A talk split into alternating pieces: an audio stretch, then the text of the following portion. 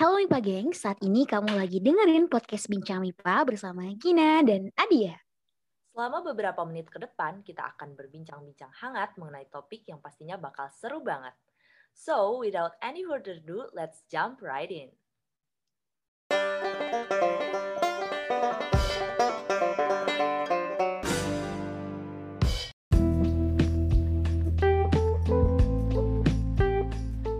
Halo MIPA Gengs, kembali lagi nih sama aku Adia Zahra dan partner aku Gina. Halo Gin. Halo Kak Adia, udah lama banget nih gak denger suara Kak Adia. Gimana nih Kak kabarnya? Alhamdulillah baik banget nih Gin, karena kan sekarang juga udah beres UAS, jadi lebih santai buat menjalani liburan-liburan di summer holiday. Nah kalau kamu sendiri nih Gin, gimana kabarnya? Mau tahu dong? Alhamdulillah aku sehat-sehat juga Kak, karena sekarang tuh kan emang time for holiday ya. Teman-teman MIPA Gengs mungkin juga udah pada liburan kali ya Kak, udah pada bebas dari UAS atau mungkin beberapa ada yang masih dikejar-kejar nih sama tugas-tugas. Iya benar banget. Jadi buat kalian nih yang masih UAS atau yang masih nugas, ayo semangat ya guys. Oh iya sama dengar-dengar nih kemarin-kemarin tuh udah ada pengumuman SBMPTN ya Gin. Jadi selamat, congratulations buat MIPA Gengs atau teman-teman semua yang keterima di PTN yang diinginkan. Dan untuk yang belum keterima, ayo semangat jangan. Pokoknya jangan patah semangat tetap berdoa dan juga berusaha ya. Nah, Gin, kali ini kita nggak bakal sendirian nih perdana, kita bakal ditemenin sama siapa lagi kalau bukan Ketua BEM dan Wakil Ketua BEM kita yaitu Kang Dean dan Kang Zilal. Halo Kang Dean dan Kang Zilal, apa kabar? Halo, baik, baik, baik, baik. Aku nanya Kang Zilal dulu kali ya. Kang Zilal ini kan ketua BEM kita nih. Aku mau nanya dong Kang Zilal, kesibukannya apa nih selain jadi ketua BEM? Uh, kesibukannya apa ya? Ya akademik sih teman-teman, karena uh, banyak research juga ya di program studi aku. Jadi aku juga banyak bantu dosen-dosen untuk research juga. Gitu sih paling.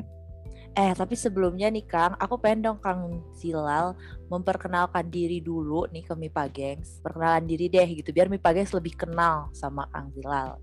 Oke, okay. Uh, halo Mipa Gengs, uh, kenalin nama aku Zilal Sofa, akrab disapa Zilal ya. Uh, aku sebagai Ketua BEM Kema FMIPA Unpad tahun 2022 Kabinet Askatara. Kayak gitu aja kali ya. Oke, gimana nih Kang liburannya? Apakah sudah explore-explore Indonesia atau explore-explore Jawa Barat mungkin? ya explore Bandung sekitarnya lah. Oke, mungkin sibuk juga ya. Nah selanjutnya nih ada Wakil Ketua BMF MIPA yaitu Kang Dean. Halo Kang Dean. Halo, Ih, takut banget nih TBL bet ini nih sama podcaster-podcaster ini. Aduh jangan dong, kita di sini santai aja Kang. Sekarang Kang Dean nih yang memperkenalkan diri kepada MIPA Gengs biar MIPA Gengs lebih aware sama WKBM kita.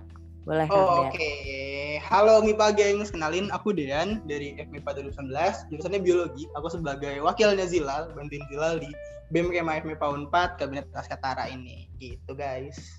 Luar biasa sekali. Kang Dean kesibukannya ng ngapain nih selain jadi wakil ketua BEM?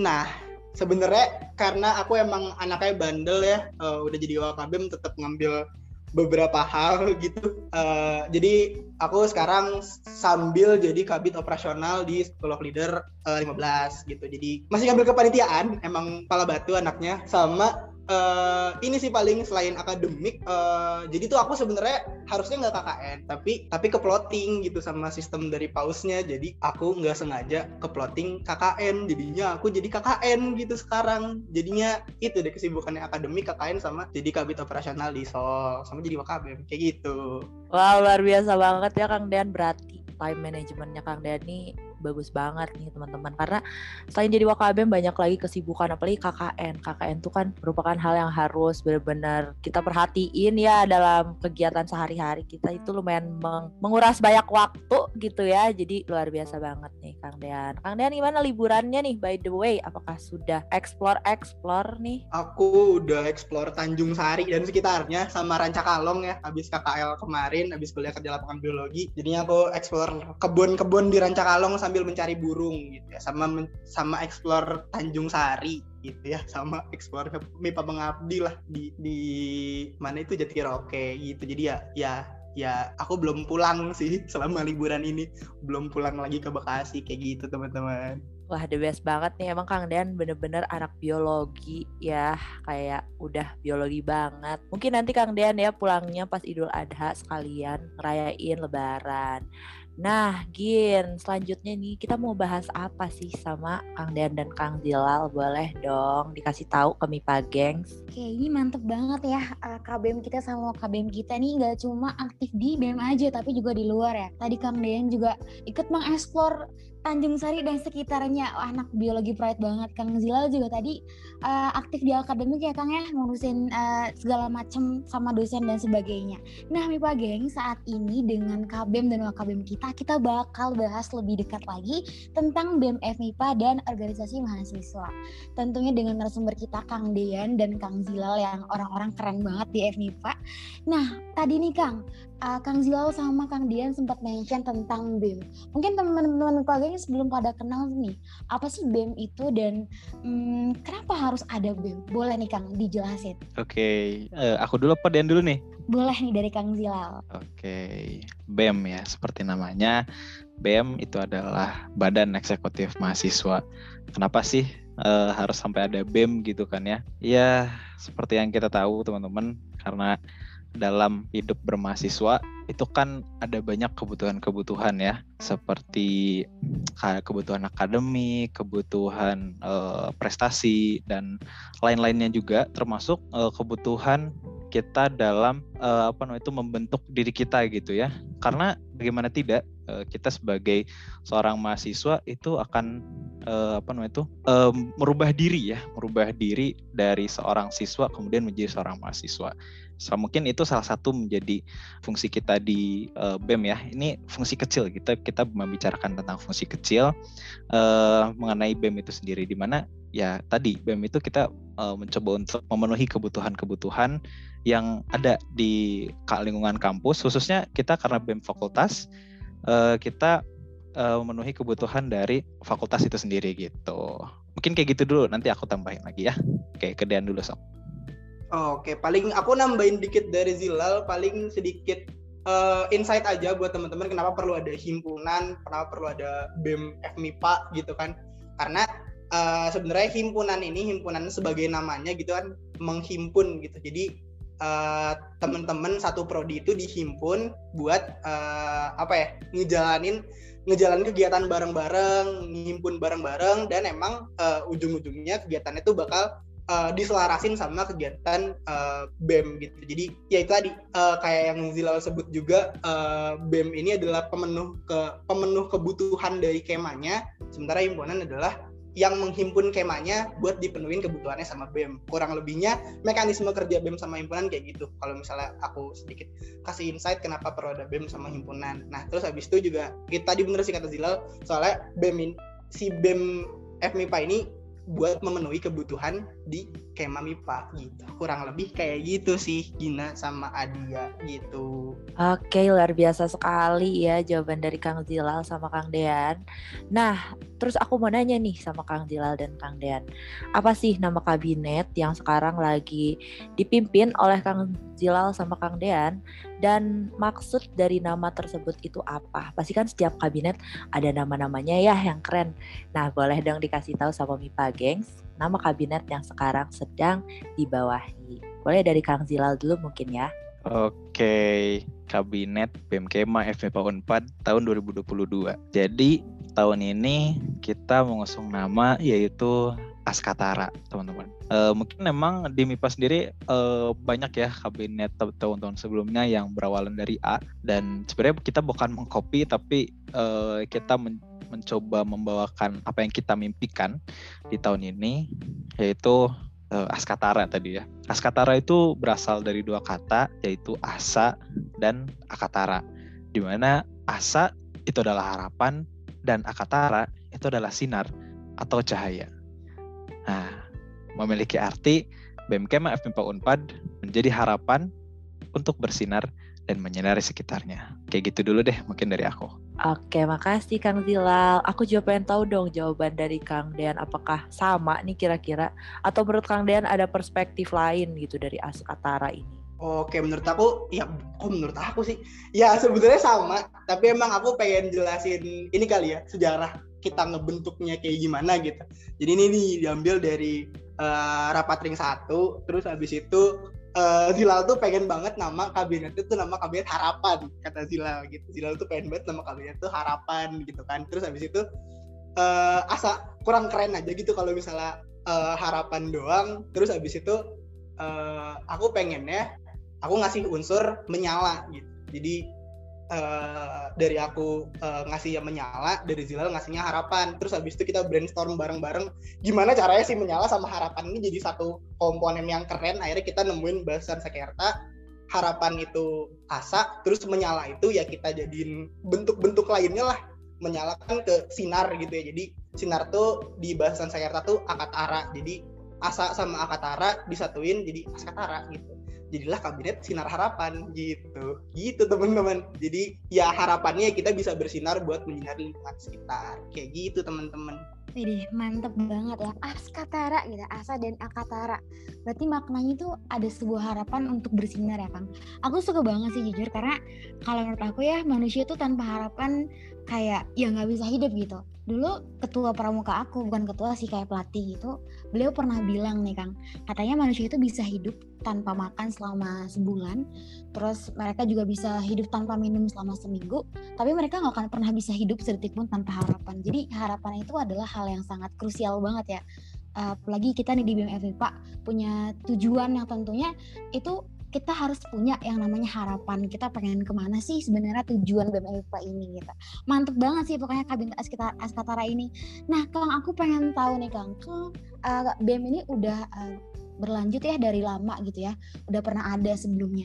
Nah apa sih inovasi-inovasi baru yang diciptakan di kabinet Askatara ini dibandingkan kabinet sebelumnya nih Kang? Oke ini kita berbicara tentang inovasi ya. Uh, tahun ini kita berdasarkan misi yang kita bawa itu ada MIPA yang ikonis, MIPA yang sinergis, dan MIPA yang peduli. Dari tiga misi ini kita munculkan tiga inovasi baru.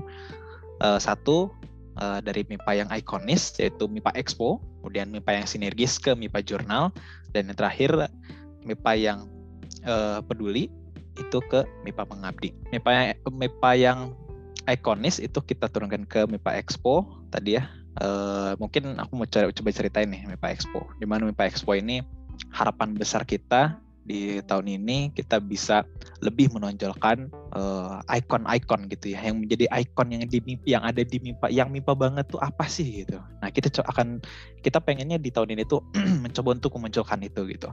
Sehingga salah satu yang kita munculkan itu adalah ciri khas dari setiap himpunan gitu. Di mana setiap himpunan ini punya uh, apa nih itu fokus bidang dan fokus uh, ilmu pengetahuannya masing-masing gitu kan ya. Nah, ya, akhirnya kita ingin coba memunculkan itu gitu. Uh, di antara uh, sekian banyak ciri khas-ciri khas yang ada di MIPA itu sendiri.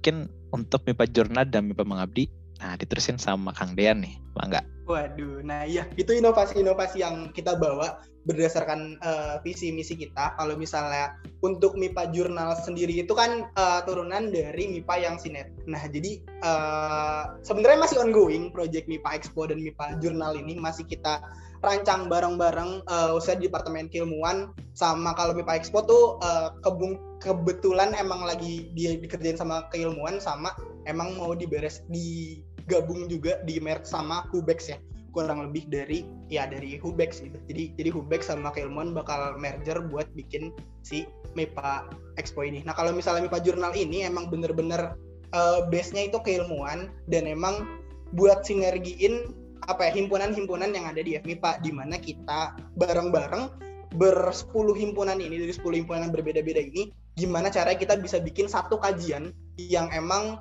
uh, apa ya bisa bisa mewakili semua keilmuannya gitu. Contohnya kayak misalnya pembangkit listrik tenaga biogas misalnya kayak gitu. Jadi ntar uh, ada kajian dari fisika, ada kajian dari biologi, ada kajian dari kimia, ada kajian dari uh, teknologi industri kimia, geofisika atau statistika, matematika dan yang lain bisa ngebantu buat ngerumusin satu kajian ini uh, yang nantinya bakal uh, kita publikasiin. Kurang lebih itu untuk MIPA Jurnal. Sama satu lagi MIPA Mengabdi yang lagi ongoing juga sekarang. Bedanya yang sebelumnya masih ongoingnya tuh ngerjain konsep-konsepnya. Kalau yang sekarang tuh yang MIPA Mengabdi tuh lagi berjalan dan kebetulan pas lagi syuting ini udah jalan hari kedua MIPA Mengabdi. Jadi di mana kita uh, ngejalanin apa ya GBH GBHK Kema MIPA itu GBHK F MIPA tahap 1 2 3 bagian pengabdian di mana kita jadi uh, ngejalanin tahap 1 2 3-nya dari mulai survei dan pelaksanaan-pelaksanaannya uh, buat pengabdian kita gitu dan di MIPA Mengabdi ini bakal ada dua konten uh, ada MIPA mengajar sama MIPA mengabdi. Jadi gitulah kurang lebih emang agak membingungkan. Tapi si MIPA mengabdi ini rencananya MIPA mengabdi yang bagian mengabdi ini rencananya tuh bakal uh, sosialisasiin uh, tentang uh, pembuangan sampah di Desa Jatiroke namanya. Sama satu lagi MIPA mengajar ini ngajar anak-anak SD di Desa Jatiroke. Soalnya kan anak-anak SD sekarang juga lagi pada libur. Jadi ya ya buat belajar tambah-tambahan lah, buat belajar belajar tambahan yang diadain sama BMKMA FMIPA uh, buat si anak-anak SD ini biar wawasannya makin nambah dan kita juga bisa sharing uh, buat kita mengabdi ke lingkungan sekitar Jatinangor. Kurang lebih kayak gitu. Panjang sih sebenarnya. Tapi ya gitulah. Wah luar biasa sekali ya jawaban dari Kang Dian dan Kang Zilal. Tadi aku sempat dengar ada MIPA mengabdi ya. Aku ingin nyemangatin nih sama teman-teman di kampus Unpad yang sedang menjalani MIPA mengabdi. Semoga apa yang sedang dilakukan kerasa banget manfaatnya sama warga-warga sekitar. Tadi udah disebutin banyak sekali inovasi-inovasi baru yang tentunya diharapkan dapat membawa perubahan yang lebih signifikan baik itu untuk mahasiswa ataupun untuk bangsa dan negara ya. Nah, selanjutnya nih Kang Dian dan Kang Zilal, aku pengen nanya. Pasti sebelum menjadi KBM dan Ketua BEM tentunya ada pertimbangan. Kenapa sih pengen jadi ketua BEM dan wakil ketua BEM karena kalau misalnya kita pikirkan lebih dalam lagi ya ini bukan merupakan tanggung jawab yang mudah gitu. Ini adalah tanggung jawab yang lumayan besar. Gak lumayan sih maksudnya ini tanggung jawab yang sangat besar di skala fakultas. Nah aku mau tanya nih apa sih motivasi akang-akang untuk menjadi petinggi di fakultas? Boleh dong ke Kang Dilal dulu deh. Oke, okay, thank you. Jadi gini teman-teman, kalau kita bercerita di masa dulu ya sebelum kita naik, uh, aku sama Dean itu mempunyai uh, sebuah mimpi gitu ya, bahwasanya, duh selama ini tuh uh, sebenarnya kita dan mungkin aku ya khususnya yang uh, banyak ikut juga di kegiatan-kegiatan kemipaan uh, pengen gitu melihat MIPA itu uh, berkembang lebih jauh lagi. Meskipun oke okay, uh, by the year gitu ya setiap tahunnya MIPA itu selalu berkembang. Tapi uh, di tahun ini kita juga pengen MIPA itu akan terus berkembang bahkan boostingnya perkembangannya itu uh, melebihi dari sebelum-sebelumnya juga gitu. Sehingga kita muncul lah kayak kita pengen MIPA ini lebih terkenal, lebih dikenal gitu. Bukan hanya oleh oke okay, internal dari kayak MIPA-nya oke, okay. tapi kita ingin MIPA ini juga lebih dikenal oleh warga sekitar bahkan eh, Jatinangor atau uh, mahasiswa di sekitar di Unpad juga gitu ya. Kita pengen gitu. Akhirnya pengen mengenalkan MIPA ini loh MIPA gitu loh. Kita pengen MIPA itu dikenal oleh semua orang dan dikenang juga dan juga diingat hal-hal baiknya juga gitu ya. Tidak ya kita pengen MIPA itu menjadi sebuah uh, ikonis yang baik gitu kan ya. Jadi itulah kita berangkat dari situ. Kemudian akhirnya oh boleh deh kita coba bawa ini tidak hanya hanya menjadi sebuah mimpi saja, tapi kita coba realisasikan nih uh, di BEM Kema FM 4 tahun ini. Mungkin kayak gitu sih kalau dari aku ya. Uh, mungkin dari Dan ada tambahan yang lain. Oke, paling uh, aku cerita dari diri aku sendiri dulu kali ya. Uh, aku ada dua dorongan sebenarnya uh, kenapa mau jadi uh, wakabem dan bantuin Zilal. Pertama dorongan dari diri sendiri. Dorongan dari diri sendiri aku tuh beda sama Zilal yang emang berkecimpung di MIPA-nya banyak dan emang uh, dua tahun sebelum ini di tahun pertama sama tahun kedua juga Zilal kan di BEM gitu ya. Sementara aku enggak. jadi aku tuh belum pernah sama sekali menginjak uh, FMIPA selain MB sama magang gitu. Magang juga masuk ke MB.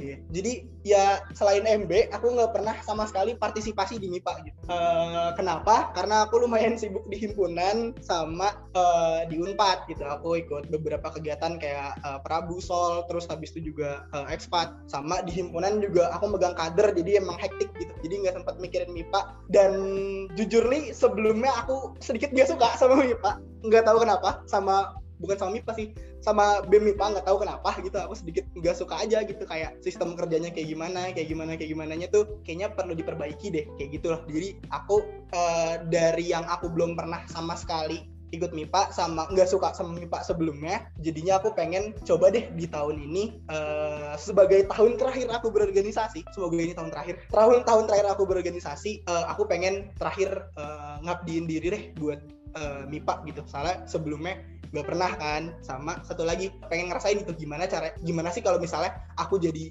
uh, pimpinan BEM IPA ini apakah BEM IPA ini tetap jadi BEM yang nggak aku suka atau malah berubah gitu.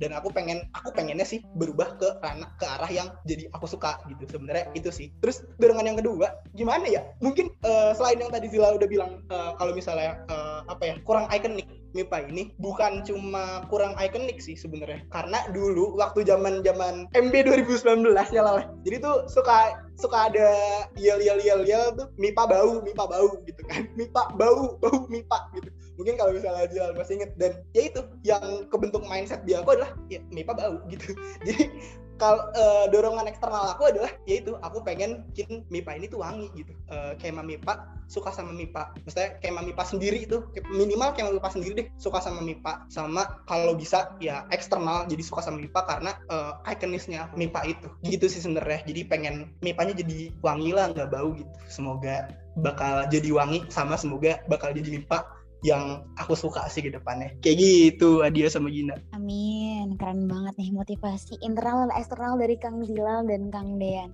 Berarti ketika melihat MIPA nih wah ada yang kurang baik gitu ya, ada yang kurang beres nih di MIPA. Jadi Kang Dean sama Kang Zil ini punya sebuah motivasi untuk bisa membawa perubahan yang lebih baik di MIPA gitu dengan menjadi pejabat tingginya atau dari KBM dan WKBM-nya. Keren banget sih Kang.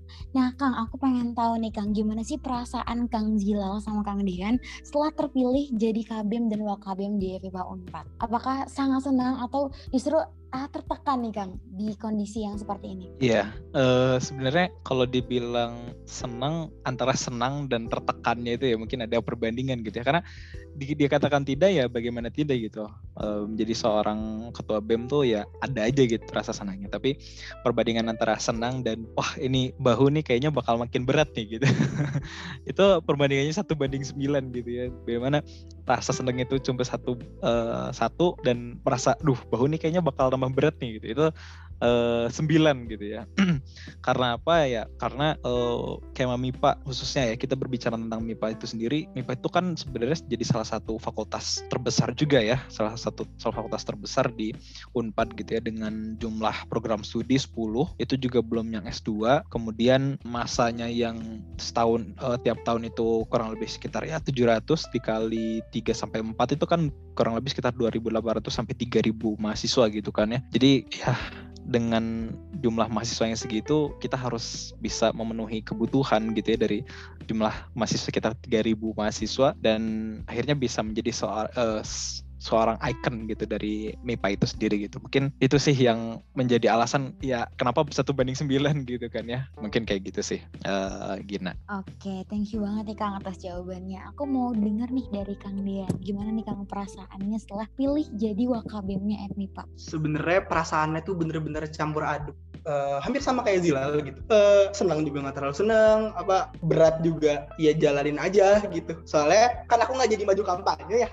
akhirnya akhirnya kan aku sama Zilal tuh majunya kongres gitu. Terus abis itu uh, dan kongresnya pun ya seperti kita tahu ya uh, dinamika kemarin di FB4 tuh kayak gimana, uh, kongresnya lumayan sepi dan segala macam segala macamnya. Sebenarnya sedihnya karena itu sih. Sebenarnya kepilih jadi wakabim seneng, tapi sedihnya tuh karena itu sih partisipasi kema MIPA aja kelihatan gitu dari awal ngikutin yang ngikutin kongres tuh sesedikit itu. Uh, yang peduli sama MIPA tuh sesedikit itu buat ikut kongres. Jadi ya sedih gitu. Bahkan di kongres pun aku sama Zila tuh emang kita nge-framing kalau misalnya ya di kongres itu kita nating tulus lah gitu. Apa pun hasilnya apa pun ke depannya nanti ya kita jalanin aja. Dan akhirnya kepilih dan ya udah kita bener-bener jalanin aja apa yang ada di pikiran kita sebelumnya apa yang jadi visi misi kita sebelumnya. Jadi kita jalanin aja gitu. Jadi kalau misalnya buat perasaan ya itu bener-bener campur aduk. Tapi ya udah jalanin aja aja gitu teman-teman. Wah keren banget nih Kang Dean sama Kang Zilal walaupun maybe tadi ada beberapa apa ya perasaan yang merasa terbebani tapi tetap gitu berusaha untuk tanggung jawab dan juga gak bohong ya ada rasa senang dan bangga mungkin. Tapi benar nih tadi untuk warga-warga FMIPA diharapkan ya lebih antusias lagi untuk kongres nih terutama kongres BEM FMIPA semoga nggak terjadi ya di tahun berikutnya gitu. Apa yang tadi Kang Dean rasain semoga nggak terjadi lagi gitu. Nah, aku mau tahu lagi nih sama mau nanya lagi nih sama Kang Dean sama Kang Zilal. Sama jadi KBM dan Wakabem kan pastinya ada dong masalah-masalah yang dihadapi dan juga maybe uh, yang di luar nalar atau di luar ekspektasi gitu misalnya. Nah, pasti ada kan. Gimana sih cara menanggulanginya dan apa masalah itu? Boleh dong Kang Zilal dulu. Oke, okay. sebenarnya ya kalau misalkan kita bicara masalah, ya namanya juga dinamika bermahasiswa ya. Nah, pasti ada aja gitu eh, masalah-masalahnya. Dan sejauh ini ya sampai podcast ini dibuat, masalah yang terlalu dalam tanda kutip ya sangat besar gitu sampai benar-benar nama MIPA itu eh, nama MIPA itu blow up gitu. Sejauh ini alhamdulillah gak ada dan semoga ke depannya juga nggak ada. Tapi paling ya masalah-masalah yang berkaitan dengan komunikasi koordinasi ya khususnya itu itu itu cukup banyak gitu antara kita dari BMK MIPA Unpad sama teman-teman himpunan, kemudian uh, dari dari BMK Unpad juga ke kita gitu ya. Intinya ya masalahnya berkait masih berkutat di situ gitu di uh, komunikasi dan koordinasi. Pada akhirnya gimana kita menanggulangi masalah itu utamanya kita menangani masalah itu dengan komunikasi dan koordinasi lagi gitu. Jadi kalau misalkan ada miskomunikasi uh, misalkan dari seseorang berbicara A kemudian sampai di kita ternyata B gitu ya kita klarifikasi gitu ke orangnya ini gimana sih kayak gini gini gini gini? Dan apakah itu benar dan itu menjadi sebuah kesalahan? Dan bagaimana cara kita uh, bisa mempertanggungjawabkan dan juga memperbaiki masalah itu biar uh, satu dia tidak terjadi lagi di ke depannya dan yang kedua uh, akhirnya masalah ini bisa selesai gitu. Jadi nggak tidak harus diungkit lagi dan juga kita udah deal oh uh, masalahnya udah selesai gitu. Akhirnya sejauh ini masalah kurang lebih seperti itu sih karena masalah yang berkaitan dengan yang non komunikasi dan koordinasi sebenarnya uh, sejauh ini semoga aja juga tidak ada gitu ya mungkin kayak gitu Nah, mungkin dari Dan ya ada tambahan banyak nih kayaknya. Boleh deh. Oh, Oke, okay. ya sebenarnya lumayan banyak sih. Nggak, banyak sih. Enggak, nggak banyak, enggak. Dan emang nggak gede, uh, masalah-masalah simpel aja. Kayak tadi yang bener banget kata Zilal, komunikasi dan koordinasi kita emang agak kurang. Apalagi kan kita online gini ya, sampai ada beberapa proker kemarin yang bentrok, bentrok di jam yang sama, itu bener-bener ini banget sih. Kayak kaget lah aku bisa bentrok begini. Terus habis itu juga ada masalah lagi di bagian uh, sense of belonging sih sebenarnya. SOB kita tuh bener-bener kurang banget di mana banyak yang saling nggak kenal gitu di BEM sendiri itu bener-bener saling nggak kenal secara internal ya ini bener-bener ya ada yang nggak kenal satu sama lain. Kayak hari ini atau kemarin gitu ya di MIPA Mengabdi pun kayak nggak tahu kalau misalnya dia tuh staff BEM gitu. Terus habis itu tahunya dia divisi di MIPA Mengabdi tapi nggak tahu dia tuh staff BEM gitu jadi kayak si BEM-nya ini belum saling kenal. Makanya maka dari itu, teman-teman Kabinet Askatara, ini buat yang di room Zoom ini pun dan di semuanya yang mendengar podcast hari ini harus wajib kudu ikut ke villa ya di bulan Agustus yang diadain sama PIO biar kita sama-sama bonding dan SOB-nya bisa saling kebentuk sama bisa saling kenal gitu ya. Ini sekalian iklan kali ya.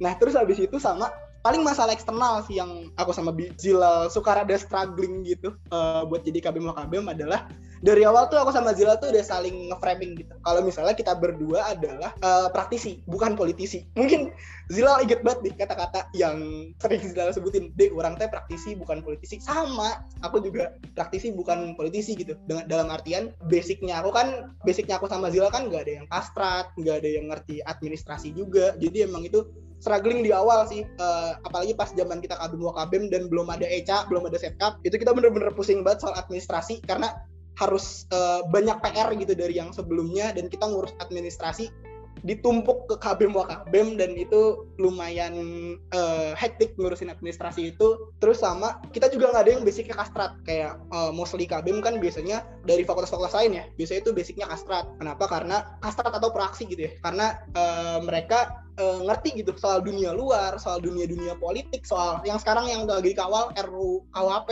itu mereka ngerti banget. Sementara aku sama Zilal Zilal kan basicnya soskem. Terus sebelumnya PIO aku basicnya kader gitu. Jadi kita bener-bener rada struggling di situ. Solusinya ya belajar lagi. Jadi kita bener-bener harus ngeraba-raba lagi nih politik tuh kayak gimana sih? Baik politik luar negeri unpad kayak gimana? Uh, politik politik politik yang uh, berkaitan dengan isu-isu BMF MIPA khususnya di bagian lingkungan itu kayak gimana? Jadi kita bener-bener harus belajar di situ karena kita sama sekali nggak punya basic itu gitu. Nggak punya basic uh, kastrat ataupun nggak punya basic administrasi. Itu yang sebenarnya harusnya ya basic yang uh, dipunyain sama KBM Kabim tapi sejauh ini ya so far so good gitu. Kita bisa menghadapi itu semua sejauh ini dengan dengan itu tadi dengan belajar pelan-pelan gitu. Mungkin emang kita nggak akan se expert KBM FH atau KBM Visip atau KBM Vkom dengan kajian-kajian uh, sosum mereka. Tapi kita lumayan ngerti di bagian itu dan bener-bener uh, kita bisa ngasih kajian di bagian kita khususnya di bagian lingkungan itu dengan bener-bener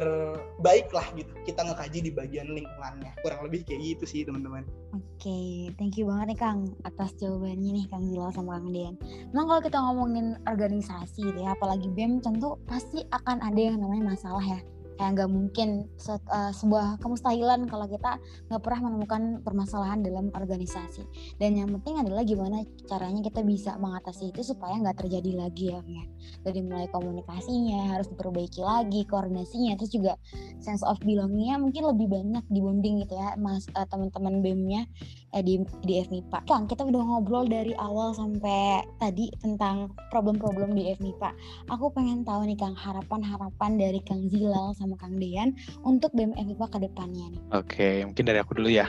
Harapan aku uh, untuk BEM Kema FMIPA Unpad tahun ini, tahun depan, dan ke depannya dan juga sebenarnya khususnya aku banyak banget harapan untuk kita-kita semua ya sebagai warga Kema FMIPA Unpad. Mungkin untuk yang teman-teman BEM Kema, uh, BEM Kema Unpad tahun ini tahun depan dan seterusnya aku titip BEM Kema gitu ya bahwasanya kita sebagai image tadi dari FMIPA kita harus bisa pada akhirnya tidak hanya menjadi icon aja tapi terjadi juga penuh itu representatif gitu ya. Uh, bahwasanya suara kita itu menjadi suara MIPA gitu. Suara BEM, BEM FMIPA itu menjadi suara MIPA dan kemudian titip juga gitu bahwasanya PMF MIPA ini tidak hanya menjadi sebuah tempat di mana kita hanya memenuhi kebutuhan dari warga kema, tapi selain dari itu ada kita kita gitu. Sebagai praktisi di BEM ada teman-teman kadep wakadep, kabir wakabir, ring satu, kabid kabid, kemudian ada staff-staff di BEM, kemudian bahkan kita kalau misalkan kita lanjut, lanjut terus gitu ya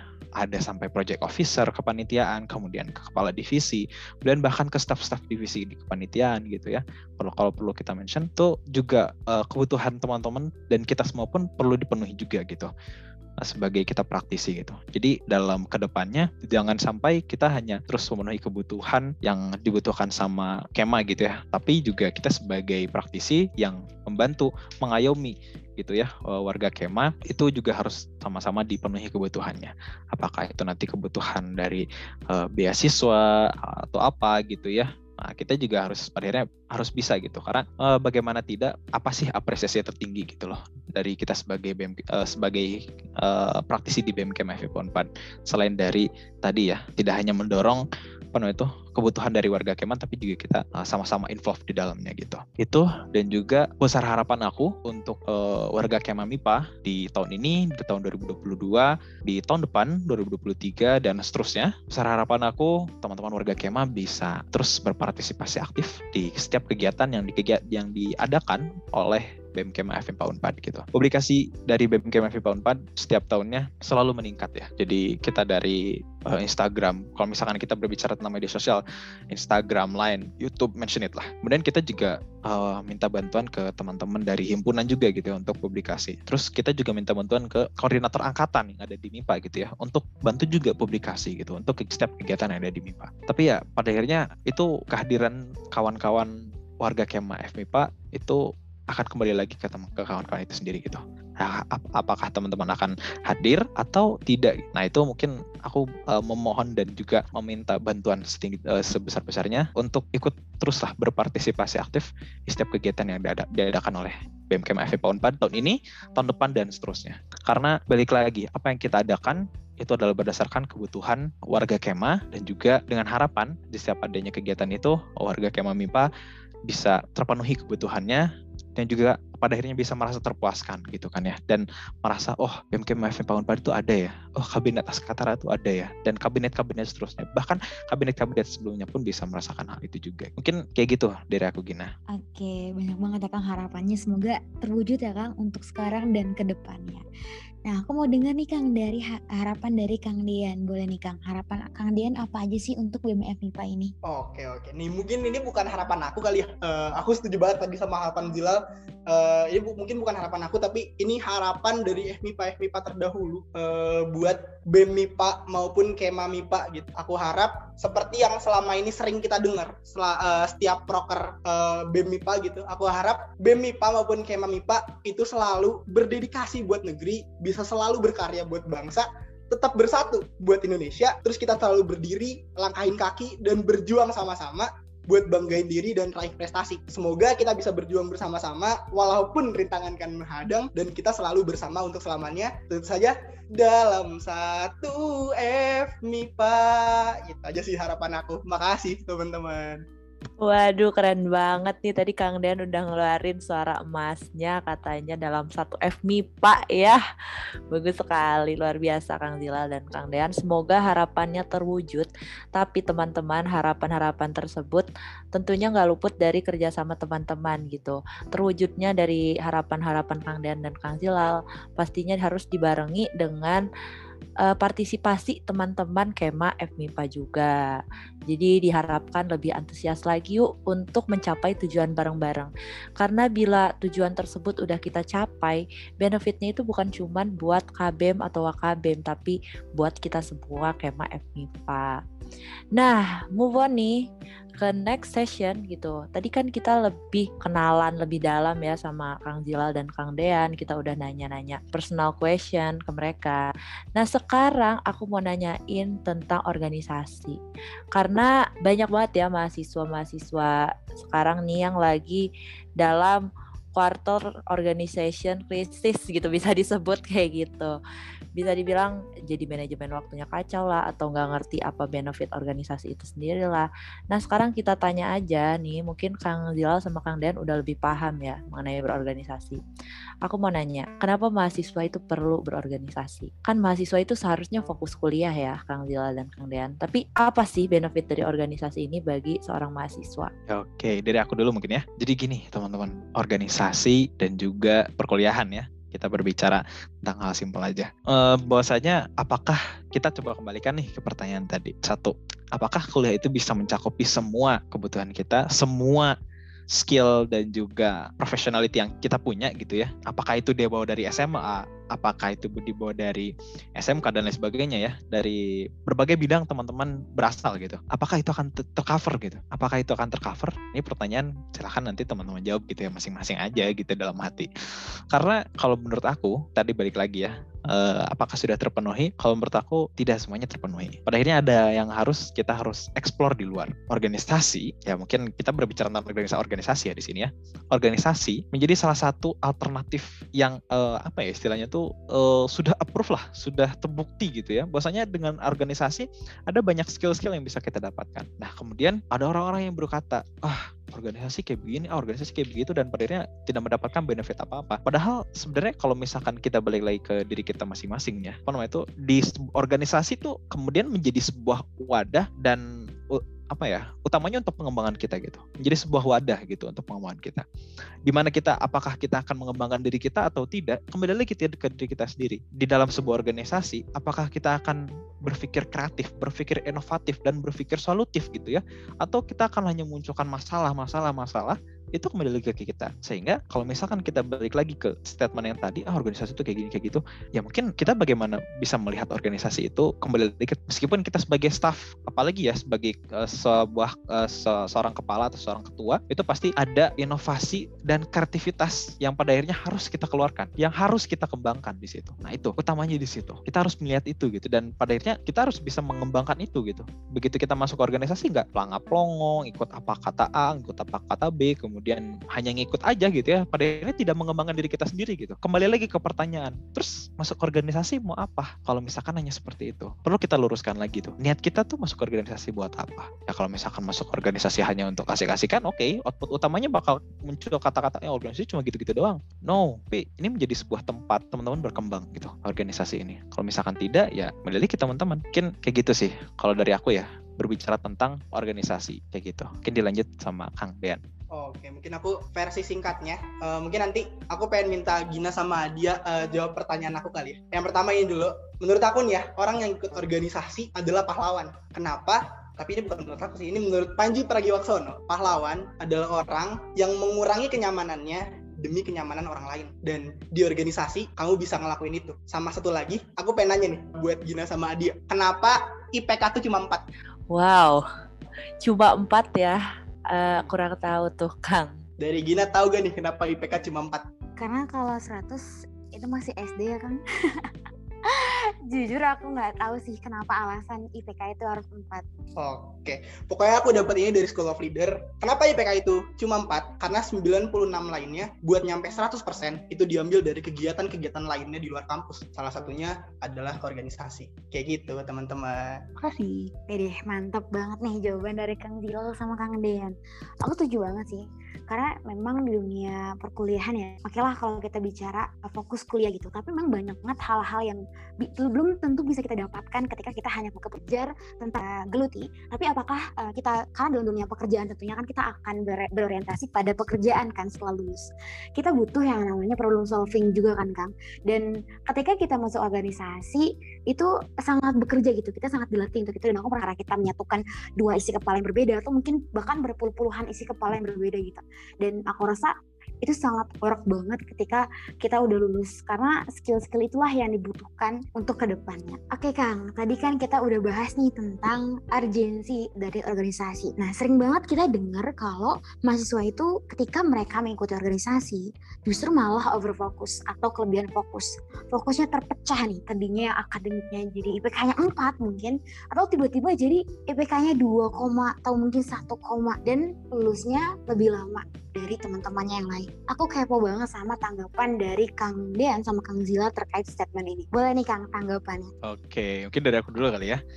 Jadi gini teman-teman, overfocus dan kelulusan ya. Uh, ini apa ya khususnya tentang kelulusan ya ini banyak banget di jadi bukan polemik ya tapi jangan masalah lah gitu yang sering di mention mention wah jadi organisasi lulusnya lama nah nah nah nah nah nah sebenarnya gini Oke, aku coba bahas tentang overfocus dulu ya. Bahwasanya kita sebagai manusia itu pasti dalam kegiatan itu cuma bisa fokus satu kan. Nah, makanya di saat kita join organisasi, kita bukan multifokus, tapi kita berfokus pada satu hal, tapi pada waktu yang tepat gitu. Balik lagi tadi ke time management. Kapan sih kita bisa fokus dalam organisasi? Kapan sih kita bisa fokus dalam hal akademik dan lain sebagainya gitu ya? Karena aku rasa dengan uh, teman-teman tidak join organisasi pun fokus akan tetap ada gitu. Bak, uh, selain dari perkuliahan ya, apakah itu fokus akan kegiatan apa namanya itu uh, yang hobi teman-teman gitu ya. Misalkan ada yang suka Gundam nih. Uh, jadi apa waktunya habis nyusun Gundam karena Gundam tuh kan lama ya bikinnya tuh.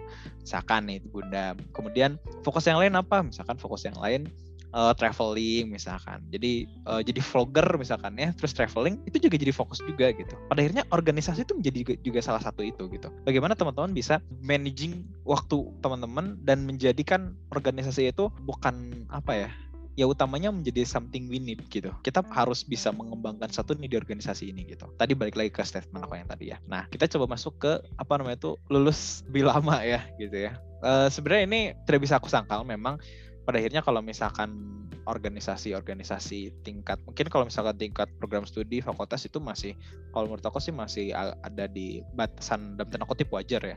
Jadi teman-teman masih bisa lulus dalam tanda kutip tepat waktu juga gitu ya. Karena kalau misalkan kita berbicara tadi apa sih yang menjadi parameter kita harus lulus? Misalkan IP bukan IPK sih. Apa sih namanya tuh? Uh, eh, SKS yang diambil kemudian perkuliahannya kayak gimana dan lain sebagainya ya. Nah itu uh, gimana kita bisa ngambil SKS lebih banyak kan? Itu balik lagi ke akademik kita bahwasanya di tingkat-tingkat tertentu di universitas, di apa namanya itu di fakultas dan lain sebagainya itu dalam jadi seorang ketua itu bahkan ada batas minimum apa namanya itu IPK-nya juga gitu ya. Kalau misalkan FYI nih, kalau misalkan teman-teman belum tahu gitu. Nah, itu juga menjadi salah satu parameter bahwasanya kampus juga tidak mau melihat orang yang organ, organisator itu tidak hanya fok, apa tinggi di bidang organisatornya aja, tapi juga ingin organisatornya tuh uh, organisator yang ada di kampus tuh dia bisa berkembang juga gitu di program studi yang sedang dia dalami gitu. Ini perlu kita lihat juga gitu pada akhirnya. Nah, sehingga apa sih yang perlu kita lakukan? Yang perlu kita lakukan tadi managing waktu. Gimana kita bisa posisikan diri pada waktu yang tepat. Punya kuliah, kuliah. Tapi kalau misalkan ada organisasi di jam segitu, ya kita harus bisa memporsikan. Di situ lebih penting mana nih gitu. Oke lah perkuliahan penting, tapi apa, apakah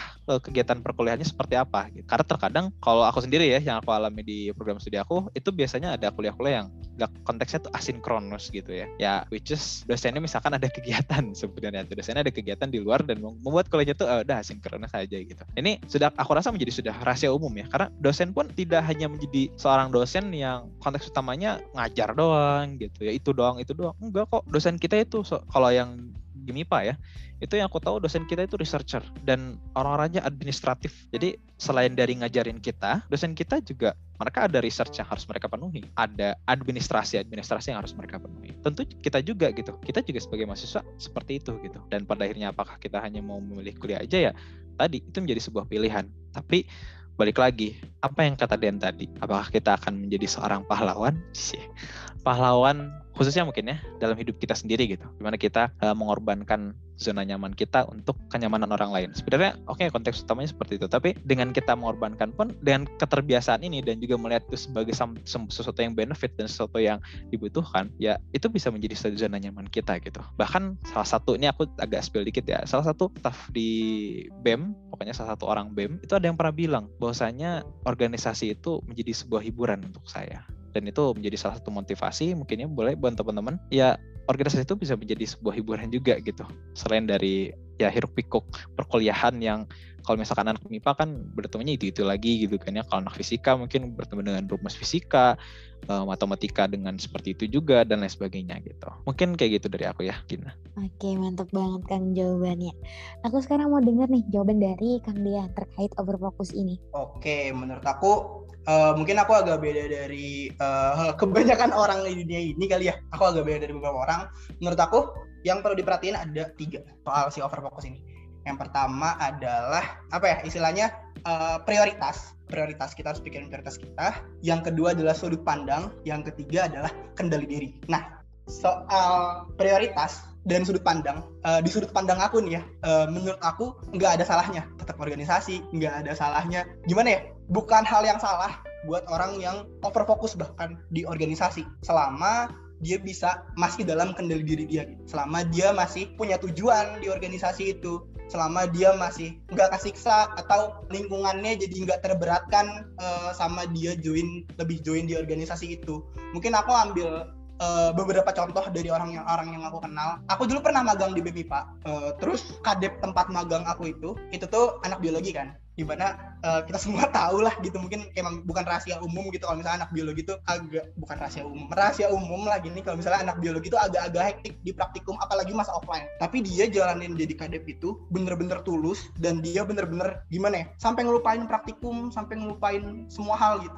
Mungkin orang-orang bakal mikir dia agak aneh dia ngaco dan segala macam tapi menurut sudut pandang aku uh, dan mungkin menurut sudut pandang dia ya apa yang dia lakuin nggak ada salahnya. Selama nggak ada orang yang dirugikan selama dia masih dapat apa yang dia tuju selama dia masih dalam kendali dirinya. Temen aku pernah bilang kalau misalnya kita ke laut kita tuh jangan jadi orang yang tenggelam tapi jadi orang yang penyelam. Jadi kita ke laut terjun ke laut kita ngelihat indahnya laut dengan kendali diri kita gitu. Bukan bukan kita belebok-belebok tenggelam sampai akhirnya kayak gimana gimana lah gitu jadinya gitu. Nah uh, menurut aku selama dia masih dalam kendali diri dia dan selama dia masih dapat tujuan yang dia mau dan selama lingkungan sekitarnya itu masih support dan gak ada yang terganggu menurut aku itu nggak ada salahnya. Mungkin ada contoh lagi mungkin sekarang ketua MWWM kita kali ya ketua MWWM kita uh, Kang Mahamen kali ya aku sebut nama aja nih. Beliau masih menjabat di MWWM padahal angkatan 2017 yang uh, secara angkatan 18 saya sekarang udah banyak yang lulus gitu kan. Dan menurut aku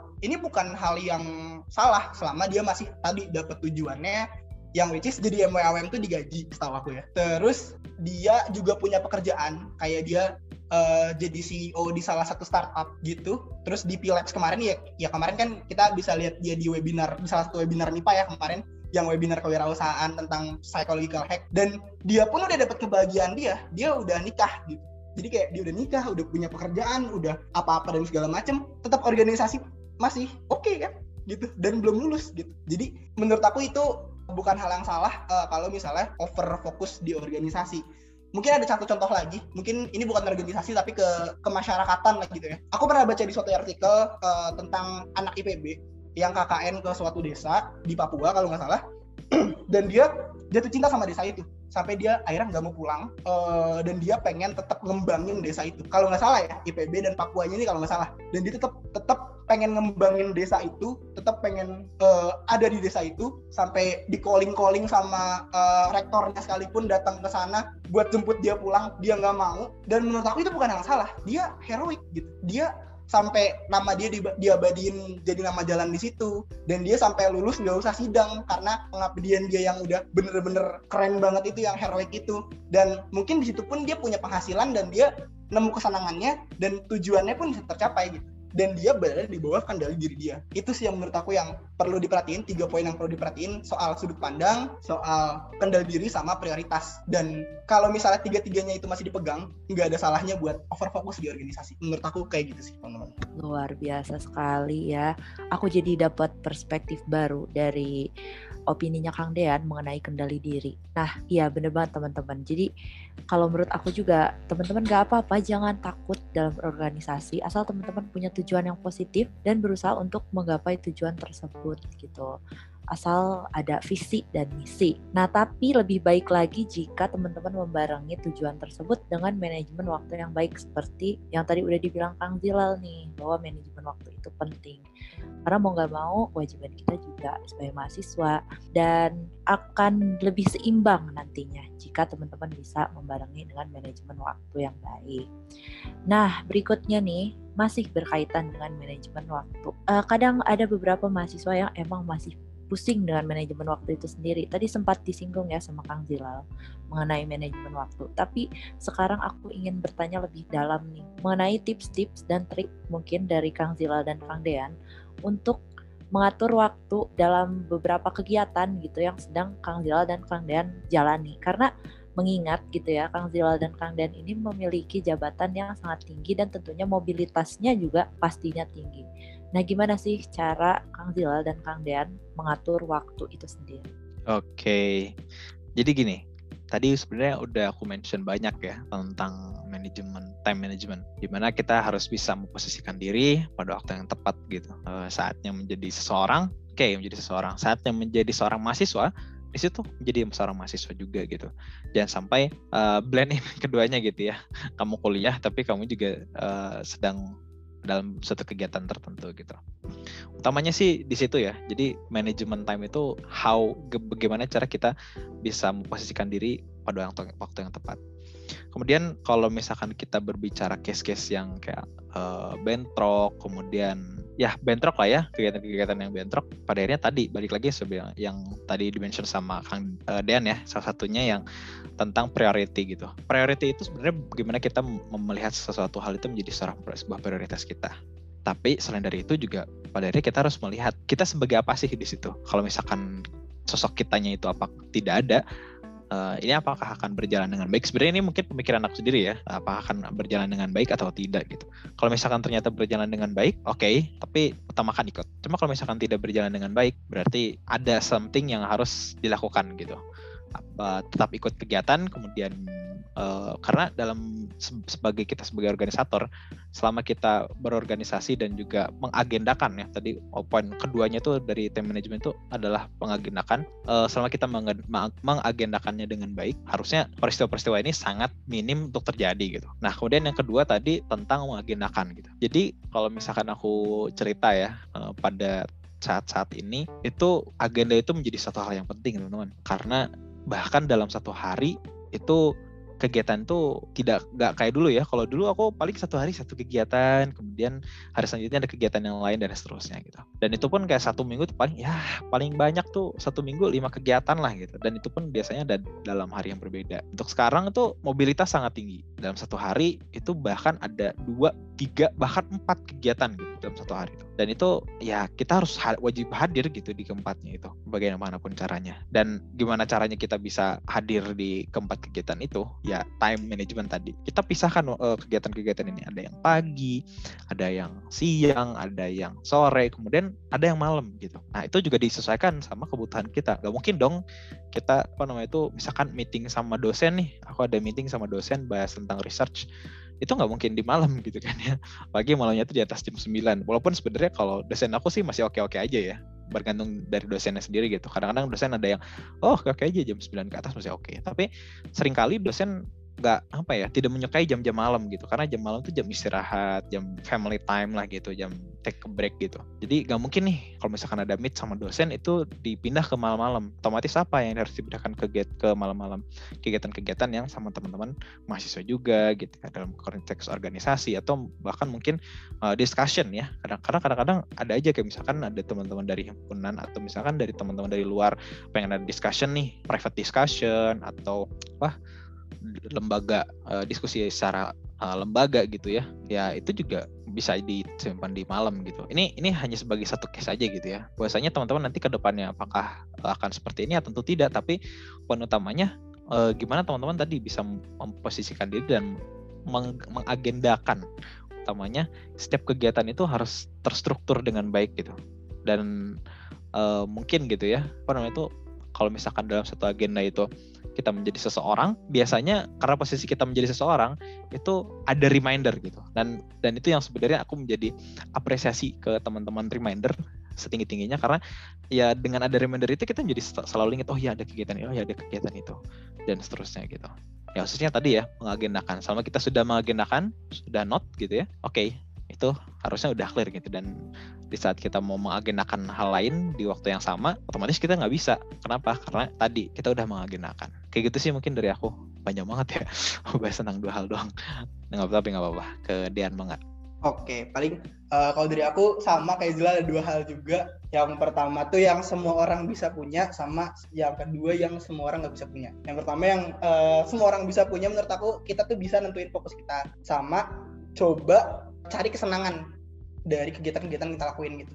Karena selama kita senang, selama hal itu kita jalani menyenangkan, mau apa pun gerusan dari sana sini dan segala macam segala macamnya itu pasti bisa teratasi dengan enak dan nyaman lah gitu pokoknya. Kalau menurut aku uh, bisa tentuin iya senangnya gitu karena karena gimana ya sebagai contoh nih kali ya mungkin ya nggak nggak bisa diterapin di semua orang juga sih. Cuman sebagai contoh di aku sendiri kali ya aku tuh laptop sama HP-nya mungkin teman-teman bisa cek nggak ada game sama sekali. Jadi eh, nggak uh, pernah main games dari kapan ya? Dari dari lulus SMA kali ya. Tapi emang sebelum sebelumnya pas lagi emang lagi rame-rame organisasi bener-bener sama sekali nggak nyentuh games gitu. Karena ya mostly cowok-cowok kan biasanya pada main game dan segala macam gitu kan. Tapi ya nggak stres-stres amat kok. Masih masih nyantai masih nyaman. Kenapa? Karena aku nyemuin nyamannya gitu. Di organisasi maupun di kegiatan kuliah gitu. kayak contoh uh, matkul-matkul yang emang aku suka banget. Kayak uh, kalau di aku kan geologi ya uh, yang aku suka tuh ekologi gitu kan. Jadi aku bener-bener suka banget sama ekologi dan ya aku senang di situ. Ya walaupun ya matkul-matkul lainnya agak-agak agak-agak dikesampingkan karena aku nemuin uh, hal yang aku senengin gitu. Termasuk gitu pun di organisasi dan uh, cara aku adalah yaitu karena aku seneng jadi ya ngalir aja gitu. Sama paling tools-tools yang bisa teman-teman terapin itu yang selalu aku terapin ya to do list. Jadi aku selalu ngelis kegiatan-kegiatan yang uh, biasanya antara sehari kalau enggak seminggu gitu yang hari ini harus banget dikerjain yang besok harus banget dikerjain dan segala macam gitu itu paling uh, yang biasa aku lakuin gitu. Jadi aku list terus habis itu aku checklist checklist checklist, checklist segala macamnya mungkin juga bisa pakai tools yang uh, pembagian ke empat ranah gitu loh. Jadi apa yang uh, harus banget kita kerjain apa yang harus kita kerjain tapi bisa dikerjain sama orang lain apa yang enggak uh, sebenarnya harus uh, apa ya apa yang nggak wajib banget kita kerjain apa yang bisa kita kerjain tapi nggak sekarang gitu. Aku lupa nama toolsnya apa cuman uh, biasanya tuh aku suka ya itu tools freestyle aku sih aku aku aku gak gonta ganti lah toolsnya gitu apa yang bisa aku kasih ke orang apa yang bisa dan segala macam gitu loh. Jadi aku pakai to do list dengan tools itu gitu. Atau kalau misal mempersingkat waktu-waktu kayak misalnya rapat gitu. Mungkin rapat tuh bisa dipersingkat pakai metode yang namanya scrum. Scrum tuh mungkin di BEM belum pernah diterapin kali ya uh, cuman uh, kalau di beberapa project aku kayak misalnya yang uh, di Sol dan segala macam aku coba nerapin scrum scrum tuh di mana kita rapat setiap hari, literally setiap hari, tapi cuma 30 menit. Dan 30 menit itu tuh kita bener-bener bahas apa yang udah kita lakuin dan apa yang bakal kita lakuin. Ataupun kita bahas hal-hal lainnya yang pokoknya nggak boleh ada bahasan lain selain bahasan uh, rapat yang udah kita tentuin hari itu. Dan itu efektif uh, berjalan setiap hari dengan waktu yang singkat dan project-projectnya beres gitu pakai Scrum itu. Nah itu yang mungkin poin pertama yang uh, semua orang bisa lakuin. Nah poin kedua mungkin dah ini ini aku nggak tahu ini ngebantu time management apa enggak temuin support system kamu gitu. Gimana ya? Ya gitulah. Gimana sih? Nah nggak semua orang bisa punya kan gitu loh. Jadi kayak kebetulan aku ya nggak tahu sih dia bakal marah apa enggak kalau aku bahasin di podcast tapi kayak ya aku punya seorang yang aku uh, cintai gitu. Dan emang dia tuh bener-bener support banget dan apa ya kita bisa saling tukar pikiran walaupun kadang-kadang stres juga gitu. Walaupun kadang-kadang uh, mikirin dia stres juga dia mikirin aku juga stres juga. Jadi kayak uh, tapi gimana ya jadi apa ya lebih termanage lah uh, aku rasanya semenjak ada nih orang gitu karena emang nih orang tuh bener-bener support banget gitu sih sebenarnya gitu gini sama dia Widih, mantap banget nih jawaban dari Kang Zil sama Kang Dean. Kalau bicara tentang tips itu emang gak jauh-jauh dari manajemen time ya Kang. Karena emang penting banget gimana cara kita bisa ngebagi prioritas kita gitu. Nentuin yang mana yang harus kita dahulukan.